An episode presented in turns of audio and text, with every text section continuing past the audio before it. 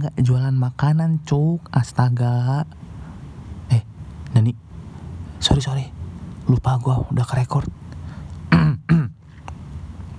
eh intronya mainin cuk. Buruan.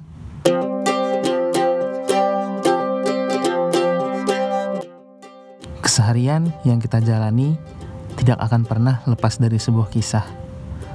Entah itu sebuah kesedihan kegembiraan atau keajaiban yang seolah sudah menjadi makanan sehari-hari bagi kita semua umat Homo sapiens.